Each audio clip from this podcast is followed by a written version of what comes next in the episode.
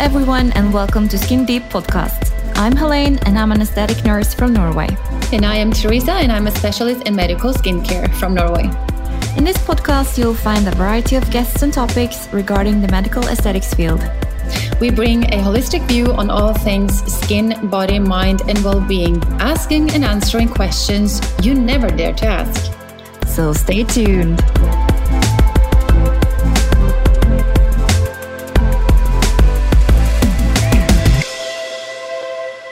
Today's guest has been invited in particular for his set of knowledge on cosmetic chemistry, ingredients, and all things skin.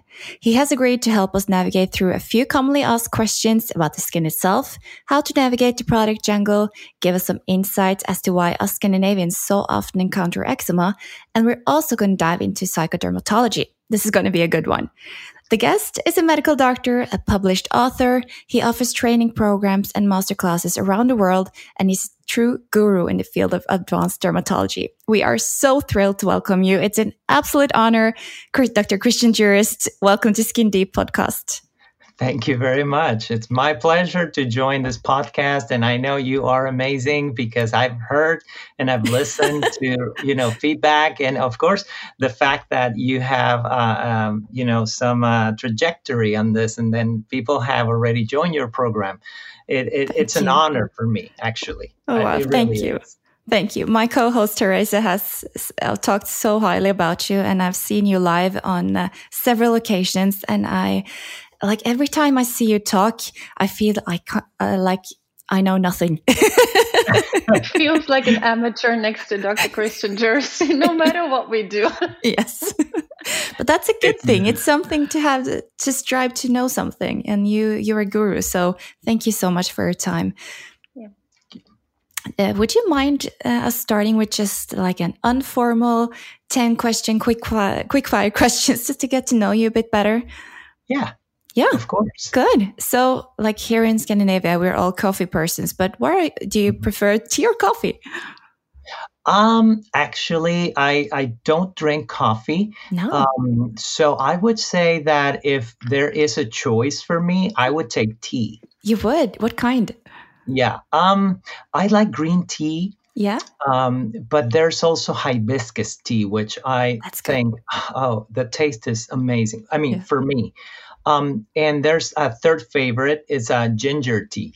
Yes, yes. good Very choice. good. You know, it calms your nerves. Um, Yeah. it's good for your uh, digestive system. Uh, green tea, in particular, I chose that one first because, you know, um, as someone who is into all things skin and also as a doctor, I recognize the benefits of green tea, you know, because green tea has so many antioxidants. It's Yes. it's so packed with wonderful ingredients that not only like balance your entire being, but it helps every organ of your body, you know, including your skin, which is very important. So I think that um, it's a great combination. You Yeah. use green tea as an ingredient in certain products for your skin, and then you drink it too. yeah, So I think it's great. multi beneficial. But do you Yeah. use the like the store bought, or do you have like whole leaves? Like I'm a geek on tea, so I need to know. Helena, you're Uh, revealing yourself.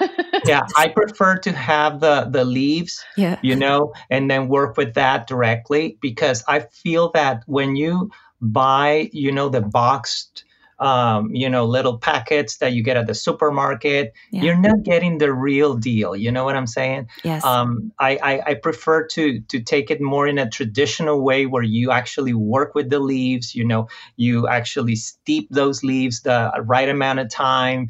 You know, and then you filter. You know, it, it it's um it's a different experience It is. altogether. Good to know. Good to know. Mm-hmm. All right. I love that you just dove right into the skin part.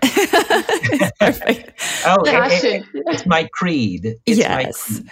but um, is there like one skincare product yet you cannot live without?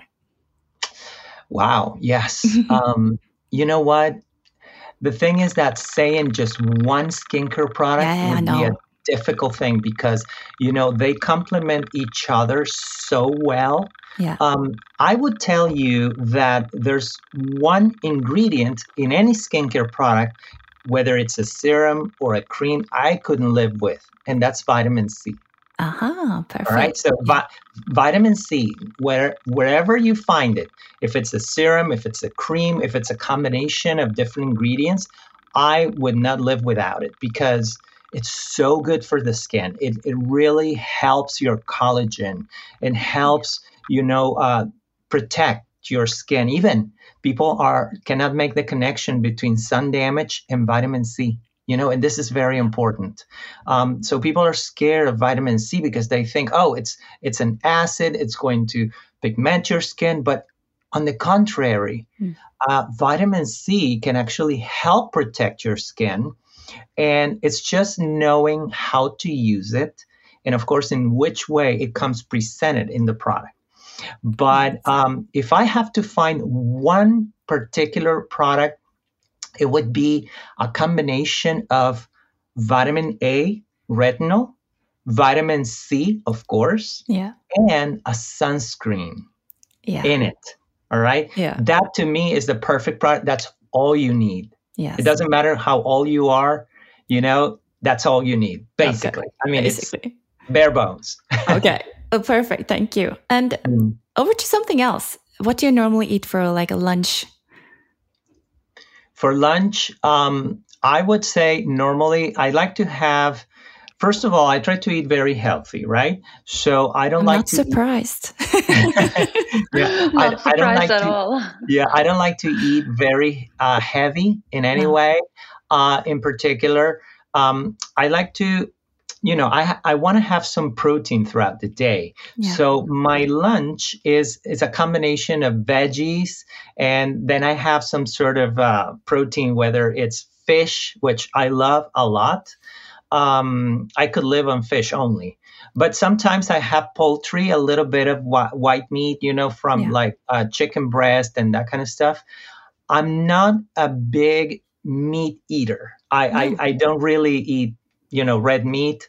Um, I don't decline it if I'm invited to a place and have lunch with someone and they have like a steak or something.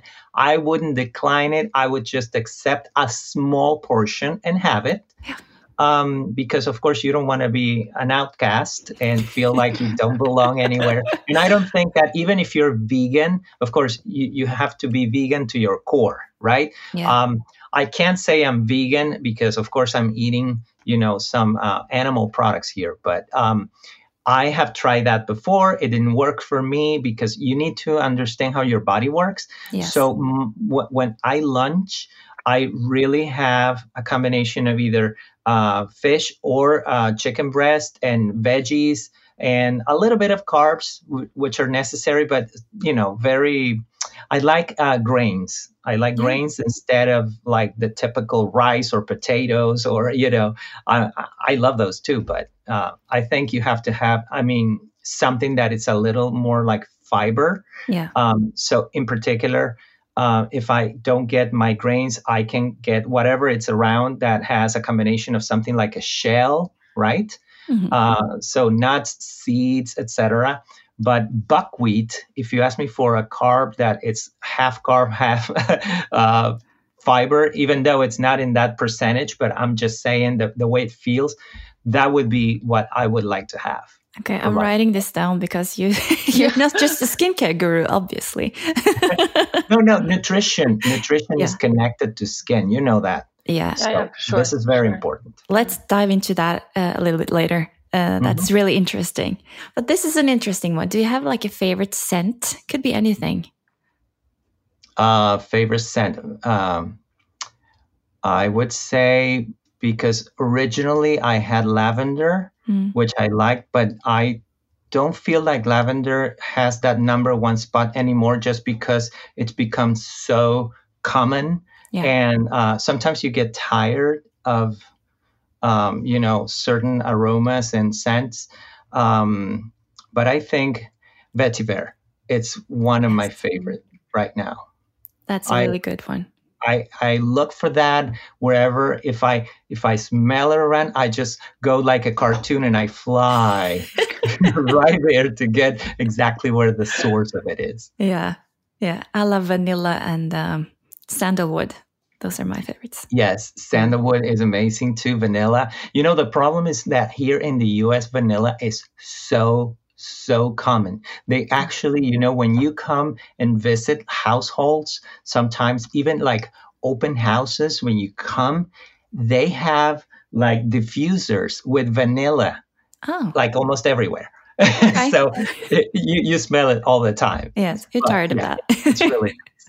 Mhm. yeah. Are you like a morning or evening person? Um, I could be both. Yeah. I sometimes feel, I mean, to me, the mornings energize me in, internally. I just watching the sun rising and and and that that feeling of crispness in the air. There's something special about it. You, I, not a lot of people understand. I do not like to spend my mornings sleeping like that because I think I'm sleeping away part of my life, right? Yes. However, uh, what I do is that I stretch my day as necessary. Um, so some days I can get up really early, but then also go to bed really late Okay. because because I try to also use the time at night because I can focus on certain things that I couldn't do during the day because of my my um, thinking process. You know, I was stressed out about Yes. something that was a deadline. That when I woke up, you know, it's like, oh, I have to do this and this and this and this and this and that, right? But at nighttime, when I have accomplished all that, then I'm I'm free to think about other things. And then i can sit down and write and, and do whatever i need to do. So i can be both. Yeah. um, and of course i can also uh, enjoy uh, um, a long morning if necessary. Um, and i'm going to tell you a very quick anecdote because i don't want to take too long here but this happened to me in norway okay in norway Sorry. um, I, I have been traveling for so long, you know, from country to country, doing, I mean, teaching classes and all that. And I, I got to Norway and I had a layover that was like 48 hours. yeah. Um, and what happened was that, you know, this is me, okay? Not everybody shares the same uh, perspective, but when I go to sleep, I don't like to sleep in a very dark room. I know it's good for you because if you have any distractions and you know that is that is not conducive to good sleeping. But in my case, because since I was a, a little boy, um, I always had a light somewhere. So um, I don't have to have a light in my room, in my hotel room, for example. I just need to keep my my windows open, my curtains open, and mm-hmm. let the the, the moonlight come in. Right, that I love. I, it makes me feel really connected to nature at night while I'm Yeah. sleeping. But this one time in Norway, for some reason, I was so tired, and I said, "Let me try what people say." About like closing your drapes and, and making your room pitch black. Yeah. Okay. And I did that at night. So I said the next morning, my flight was like at four in the afternoon. Um, and I said, you know what? Let me get up early in the morning and I'm going to go visit town. So I was staying by the airport and I was going to take a train down to Oslo, right? Yeah. Um, you know what happened? Because I closed the curtains, I slept through until 2 p.m. in the afternoon. Oh. I slept like, I don't know, like 14 hours without stopping, like oh my god. Straight. And I was like, no, this can't happen. So I had to actually get ready to go to the airport. Yeah. you know, it, it was like I, I wasted my entire day. But it didn't, it wasn't a waste because I actually felt like those 14 hours were doing something good to recover my body, I think my so. skin. I felt so much better, of course, after, you know, I was ready to go. But Yeah. yes, I think you, I think you needed it. Yeah, you definitely needed that sleep. Yeah. But if you had to write a book tomorrow, what would you write about or which topic? I think you were I think I know the answer, but Um, my my topic would be about a healthy lifestyle. It would Mm. include skin and nutrition for for sure. yes. I mean, I, I think that we we have to really believe in in health and and taking care of ourselves. I think a lot of people just live life as it comes, which is good in a way if you think of it, but also living to certain parameters and and and not minding the consequences of that can actually shorten your life, right? So I, I think that if you have a mindset about what should be right for you, I I would do that. I would like try to um, you know concoct my experience into one thing like one book yeah. and tell people what i think what works for me which could be applied to everybody else you know everybody is different and i don't believe that there is a blanket rule that takes care of everyone i, I don't agree with that I, I actually think that everything should be personalized mm-hmm. and um, you know my skincare is not the same skincare for you and it, and it won't work the same way for you.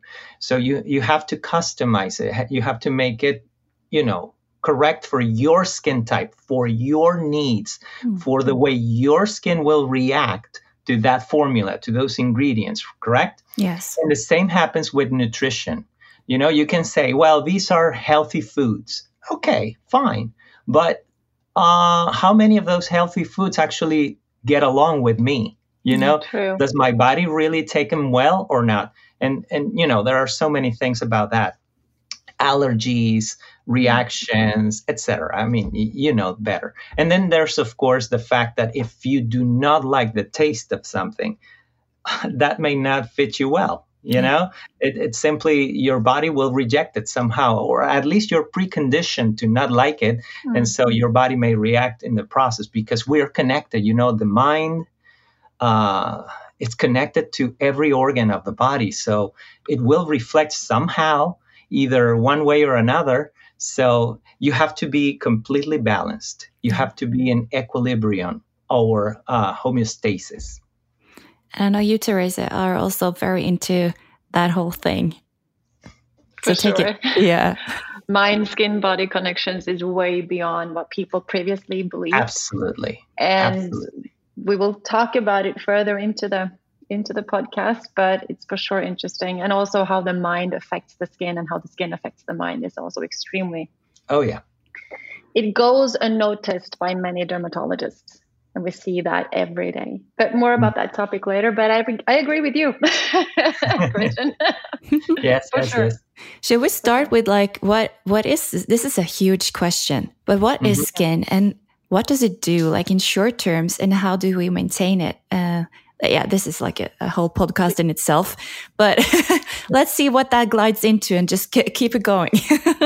Right absolutely. Well of course you know what is skin? Skin mm. is so many things yeah. right?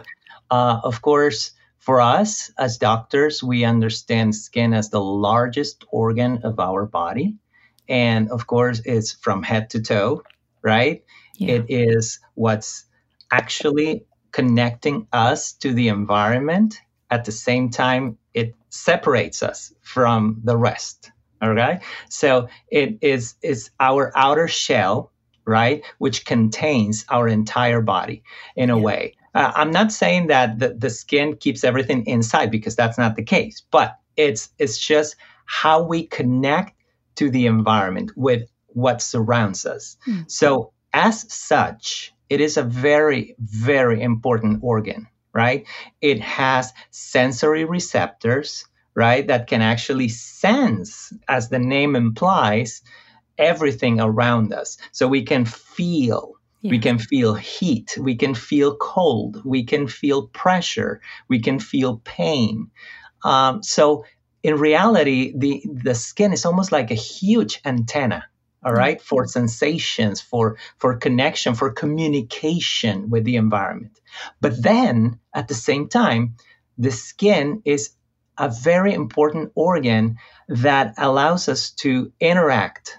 You know back and forth we can we can absorb substances we can absorb things from the environment and we can actually uh, send them back right? In in a way like uh, uh, like sweating or or uh, water evaporation. Mm. You know, so I think the skin is um, one of the organs that people do not really pay as much attention to as they should. I agree. Right. So yeah. people are concerned about you know their stomach.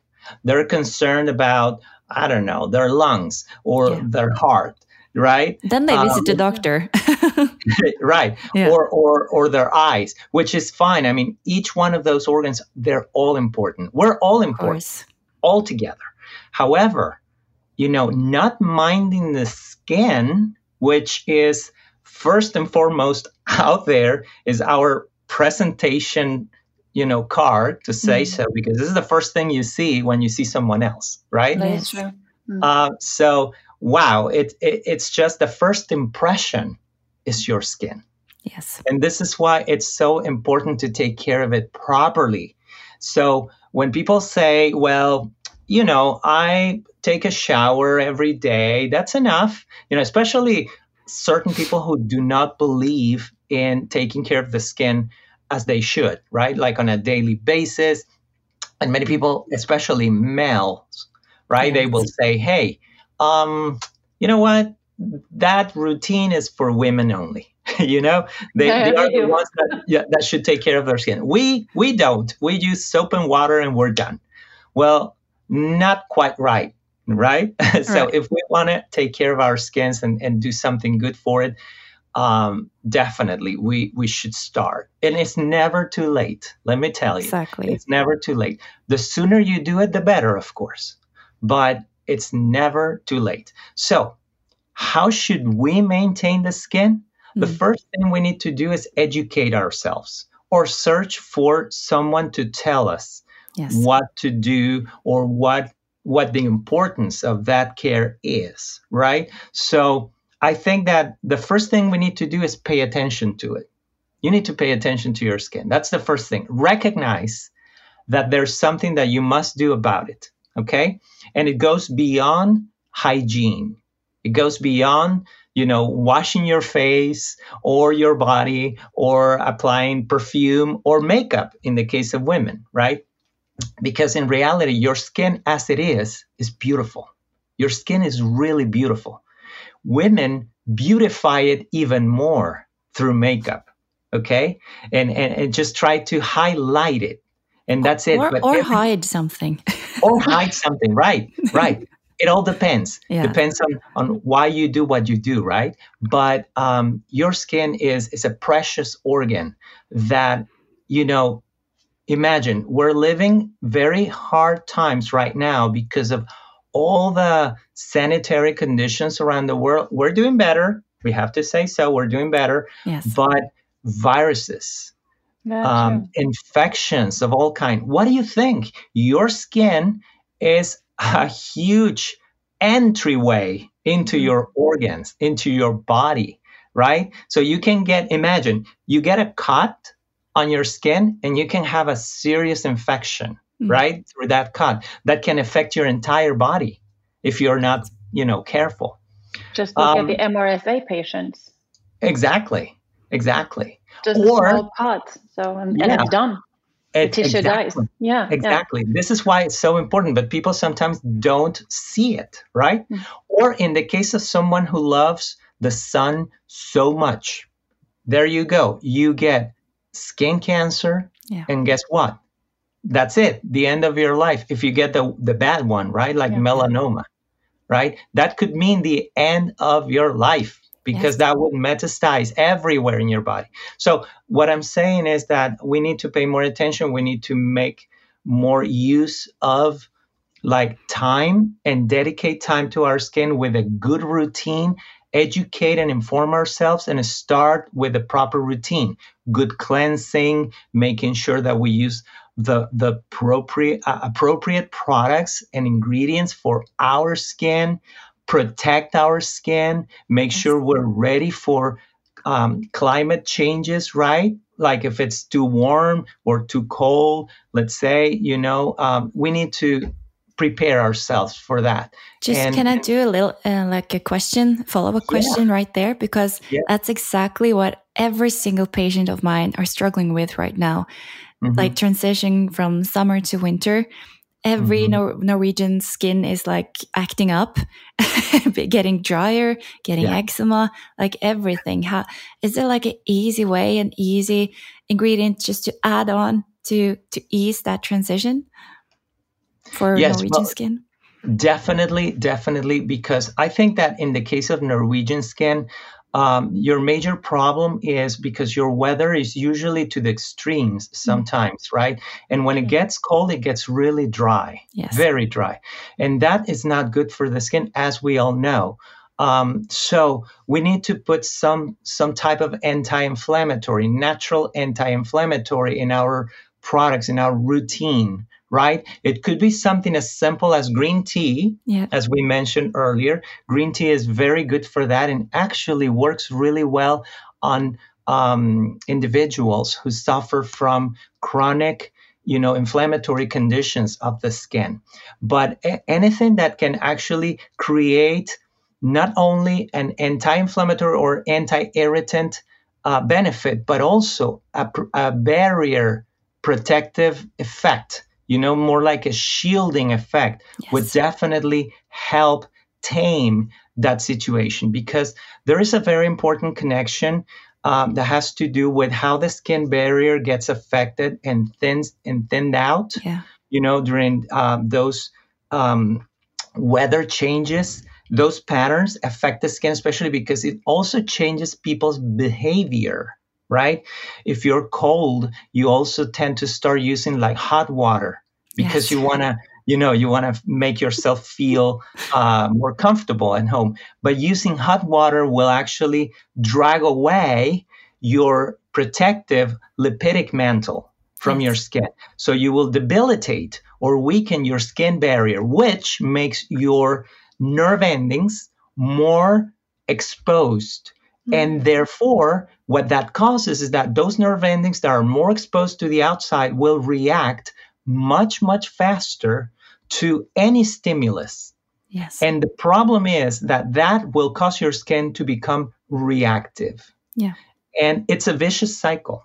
Yes. So the skin gets red, the skin gets itchy, the skin gets inflamed, mm. and then what people do is, you know, either apply the wrong product something that calms the skin, but they don't look at the labels, and the ingredients can actually cause more harm than than good. Yeah. And this just prolongs the story. So, in order to really take care of your skin, you have to have products with a good base, a good emulsion yes. that is protective for the skin barrier, and then look at specific ingredients that are going to uh, restore lipids. At the same time, they will also add soothing agents to keep the skin calm and uh, taken care of. And of course, a good, what I would call a cold cream, of course, but a filmogenic cream would be very helpful for the winter months. All right. Yeah. So something that sticks to the face, kind of like a collagen fiber molecule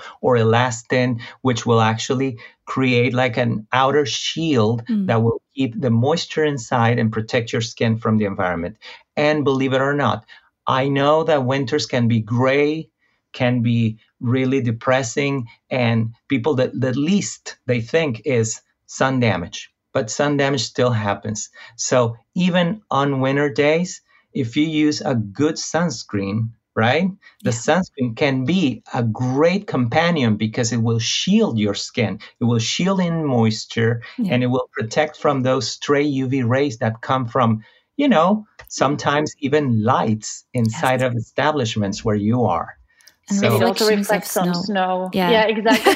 and reflection, right? Reflection yeah. from snow if you're if you're skiing, right? Mm. So, and I know that's very popular there too. So it is. It yeah. is. So those are. I mean, this is a very complex. But on on that note, is it mm-hmm. then a bad idea for every Norwegian to start with retinol again. Like after summer, this is a big thing here. We do peels, we do retinols, we do everything fall season. Like that, right. yeah. Is it a bad idea or is it like, okay, yeah. No, no. I, I, I believe that. I mean, of course, fall season, winter season is a good time to use all these um, specific ingredients that are actives that normally um, make your skin to turn over faster yeah. than usual. And uh, what happens is that, of course, we normally recommend that people stay away from those in particular ingredients during the summer months, mm. just because uh, people are looking for sun exposure. Yes. And, and, and that's inbred there. You know, they, they just want to go and they want to take as much sun as possible and, and, and receive it and feel it. Yes. The problem is, the problem is unprotected sun exposure. I mean, you can have the sun, but you can take the appropriate measures to avoid that problem. You see, I live here in Florida. Yeah. Florida, if you've ever been here, Yeah. it's a very hot state, especially in the, during the summer months. Our temperatures are very high. We have a lot of sun, you know, for hours and hours and hours. Everybody here is either tanned or sun damaged. I mean, you can imagine. Yeah. However, look at me. I actually use retinol year round, living in Florida. Yeah, that's so amazing. what what what is the trick? The trick is in knowing how to use the products and protect yourself. Yes. So But then we Yeah. have to know that the patients actually do follow up with the sunscreen Exactly. because they say they will do that, and in many cases they actually won't. Exactly. And then exactly. they will go and you know be angry at us for Exactly. It's all about yes, it's all about commitment and responsibility. But in Norway and in Sweden and all the Scandinavian countries, you can use these products, of course, more safely during the fall and winter time, just because you're not going to be exposed to a lot of direct sunlight. And we say this is safer just because of people who are not going to really pay attention to protecting their skin, right? However, you can still do damage to your skin if you go skiing, right? Because you can get a lot of, you know, reflection from UV rays from the snow, and you're using retinol. So still, still, even though it's good and it's the time of the of the year when you can actually like recover your skin. Um, And I, I want to say something about this very quickly. I don't understand why people think of of seasons as the way you take care of your skin. You see, the same exact things happens with diets. You see, people go on a diet because they have a goal. The goal is to lose weight or do this, and then they drop the diet and then they continue doing what they used to do. So diets actually go up and down, up and down. They bounce off, right? I don't believe in that. That's why diets usually fail Yeah, because it's not about dieting, it's about a lifestyle. And the same needs to happen to your skin.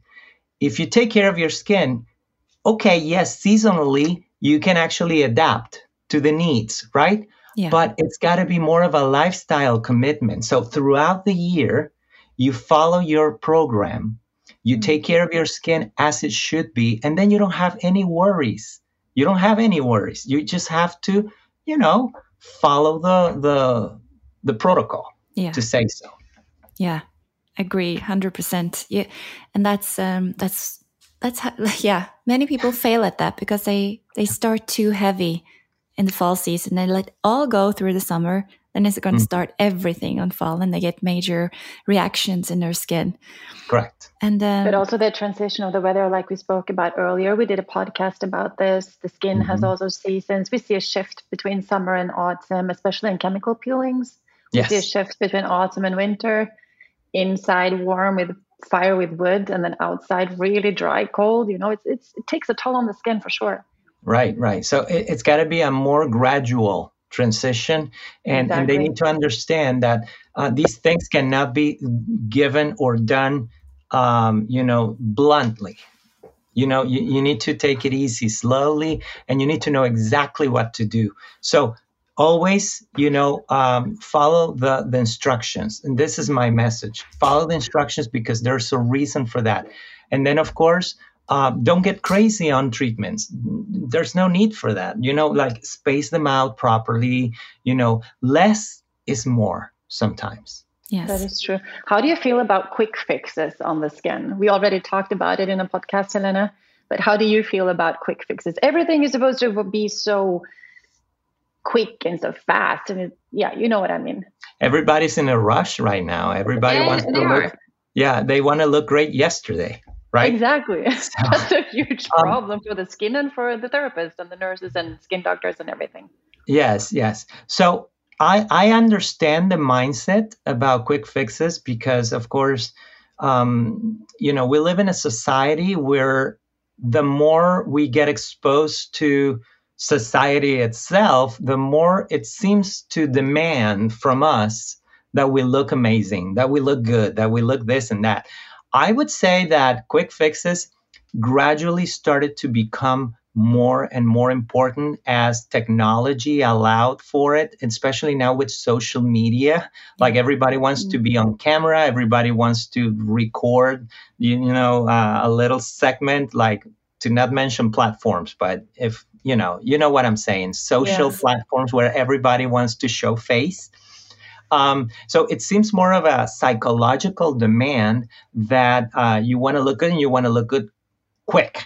So, of course, who wants to wait for a result? So I think this all started with um, Botox. You know, well, originally it was like the facelift, right? So mm-hmm. you looked like terrible and then the next day you had your surgery and in the process of recovery as you went through the weeks then you are 20 years younger because of surgery right now people are taking it in a different way. It's a different approach. So now you get Botox. Botox became the revolution, right, uh, in the late 90s because you know it was as easy as getting an injection and the next day you already could see results and those results would get better throughout the first week and then last for you know three to six months at a time depending on what you did so that was a quick fix Fillers are another type of quick fix, right? Mm-hmm. So you have lines, wrinkles, you inject whatever solution, whether whether it's hyaluronic or collagen or whatever, mm. and that gives you a plump right yeah. away. So th- there's nothing wrong in, in in in the core of that. The problem is the process that we take with it. You see, quick fixes create inflammation. Mm. And inflammation can have detrimental effects on the skin. So every time we subject the skin to something like, you know, like a laser or or an injection, at the same time we're fixing things and we're making the skin look better, we're robbing the skin of other things. You know, it's it's like payback. Yeah. Okay, so this is what you're going to be paying for this, right? Yeah. So it's not it's not free, and no. I don't. I'm not talking about money. No, I'm no. talking about what your skin will have to give away in order to look that much better, right? So usually, uh, inflammation to me is a major concern of many quick fixes because on one end, what you fix quickly will actually make your skin to accelerate the aging process. Exactly. Before you know it, right? So whether you're doing even skincare, um, so putting aside the injectables and you know the lasers and the surgery, even with skincare, if you do too many peels, right? If you do strong peels because you want a quick result, mm. guess what? You are going to create such a degree of inflammation within your skin that you're going to break down your collagen much exactly. faster than it was intended right all these enzymes that come out because of inflammation they will destroy your hyaluronic acid your natural hyaluronic your natural elastin your natural collagen so uh, yes you would look nicer in, in a period of time, but then things are going to start going down much faster, probably. That is not necessarily the case. And me being a doctor, I'm not saying, no, don't do it, because that would go against what we normally do, mm-hmm. right? It's just think about it. It's a mindset. Uh, there are ways to achieve these quick fixes as long as you know how to prepare for it. All right. So you have to prepare your skin for it, and then you have to maintain your skin appropriately. Yeah. Many many doctors, unfortunately, don't do a proper follow up. They give you what you want, yeah. and then they let you go. Yes. And and you're on your own, right? And this is the part of education that is so necessary. I feel that a, a dermatologist or an aesthetic medicine doctor uh, should probably be more comprehensive in the approach and take care of the before, during, and after properly. Exactly. Mm. And, and that makes an entire difference. Sorry for my long answers, no, but I get excited uh, with. this is the gold, and I think that uh, this this um, is not so uh, heavily focused on this uh, over treatment and what it can do to the collagen. Right. It's right. not even like heard of. Uh, so, so um, yeah, it's really good. Yeah. Can I just ask know. one question to that? We see mm-hmm. a lot of treatments done with any kind of, of injectables. The patient have amazing skin, apparently, mm-hmm. the epidermis. Right. Mm-hmm. But then with a scan, we can see in the dermis that the inflammation right. process is already started. Mm-hmm. But you can't see that. So when the same patient is going to a skin therapist and the skin therapist says, Yeah, let's do a chemical peel, you have an amazing skin. But the barrier from the inside has been broken down due to the inflammation that right. is already started. And this is something you can't see on the face. And we get a lot of feedback from, you know, clients and patients doing chemical peels and they say, Oh, we got this negative reaction. Why? And then we get to the bottom of it. And right. it's due to the inflamed inflamed state Mm-hmm. And this is, I guess, why they call it inflammaging, the right. new term. You right. age because you have a lot of inflammation and you can't even see it because it's so deep within your skin.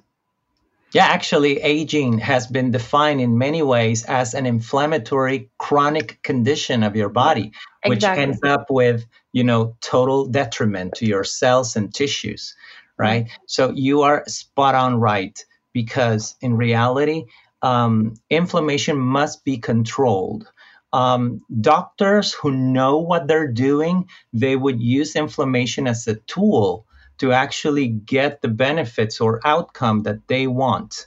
Because, of course, there is a certain area or little window where inflammation could be a positive thing. Like you can have enough inflammation to propel or push collagen formation, for example. Yeah. You want that inflammation to happen so that you get a response from your skin.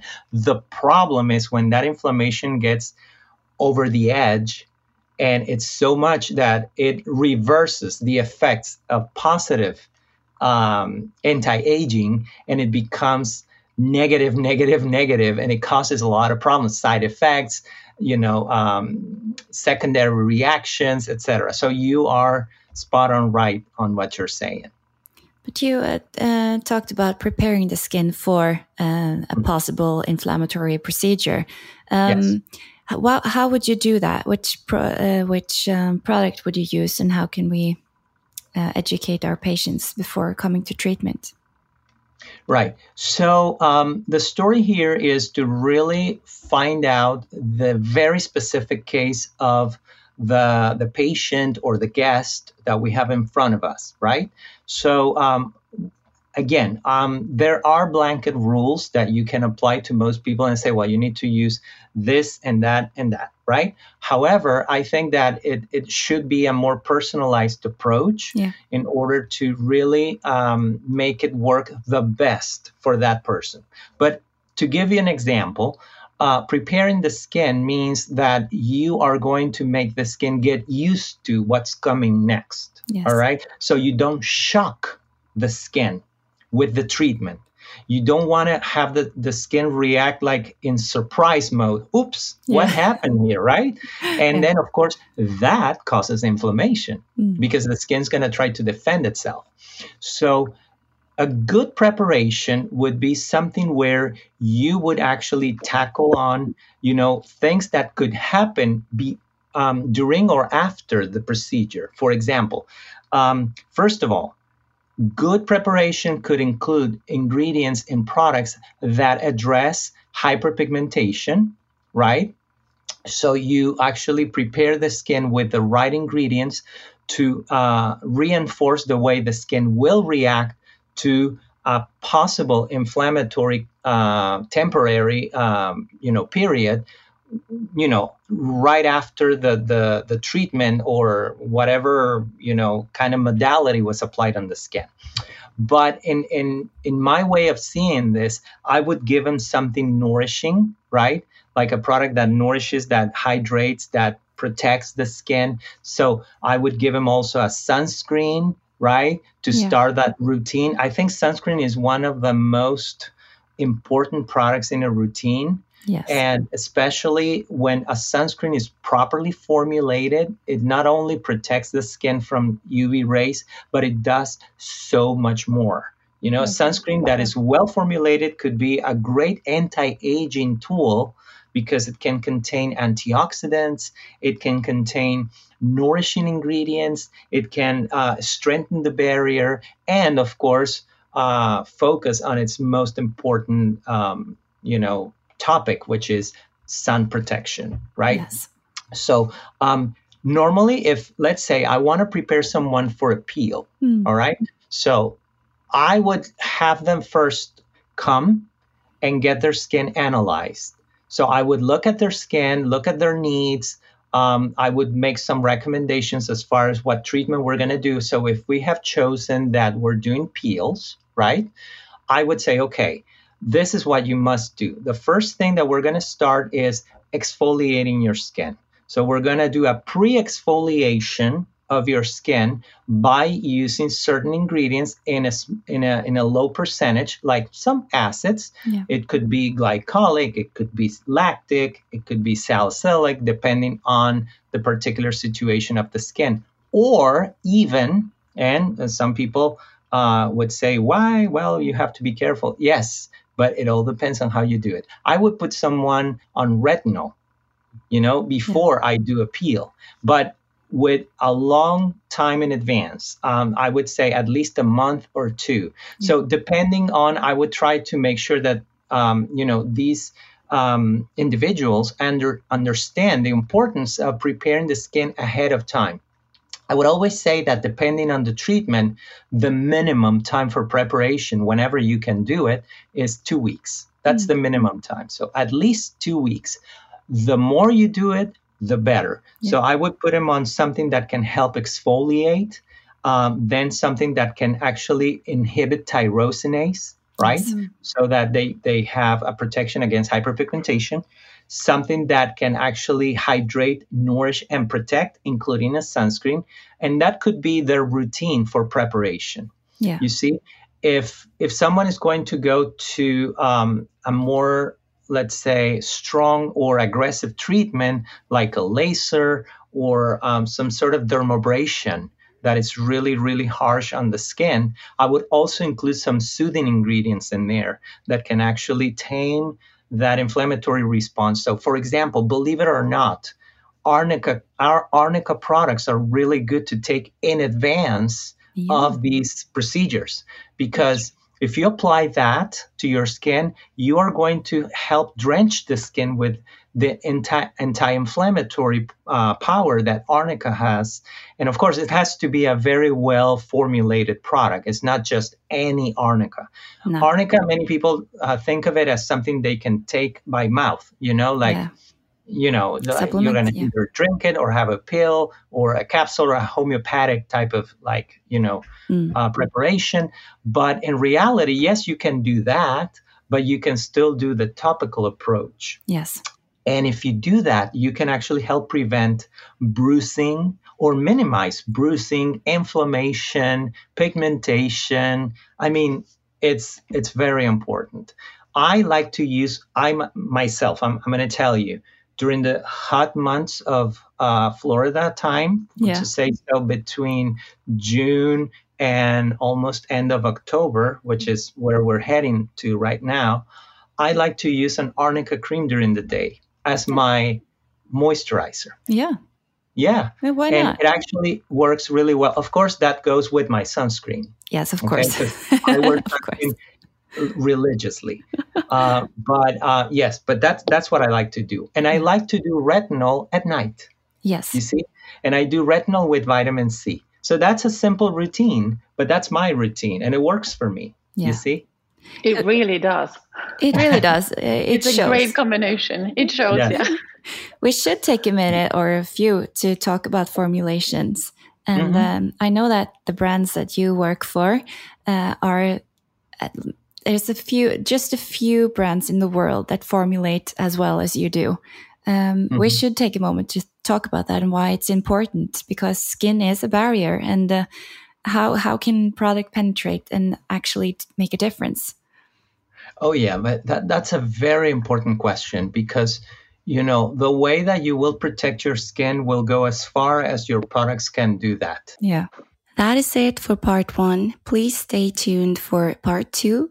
It'll be published next week.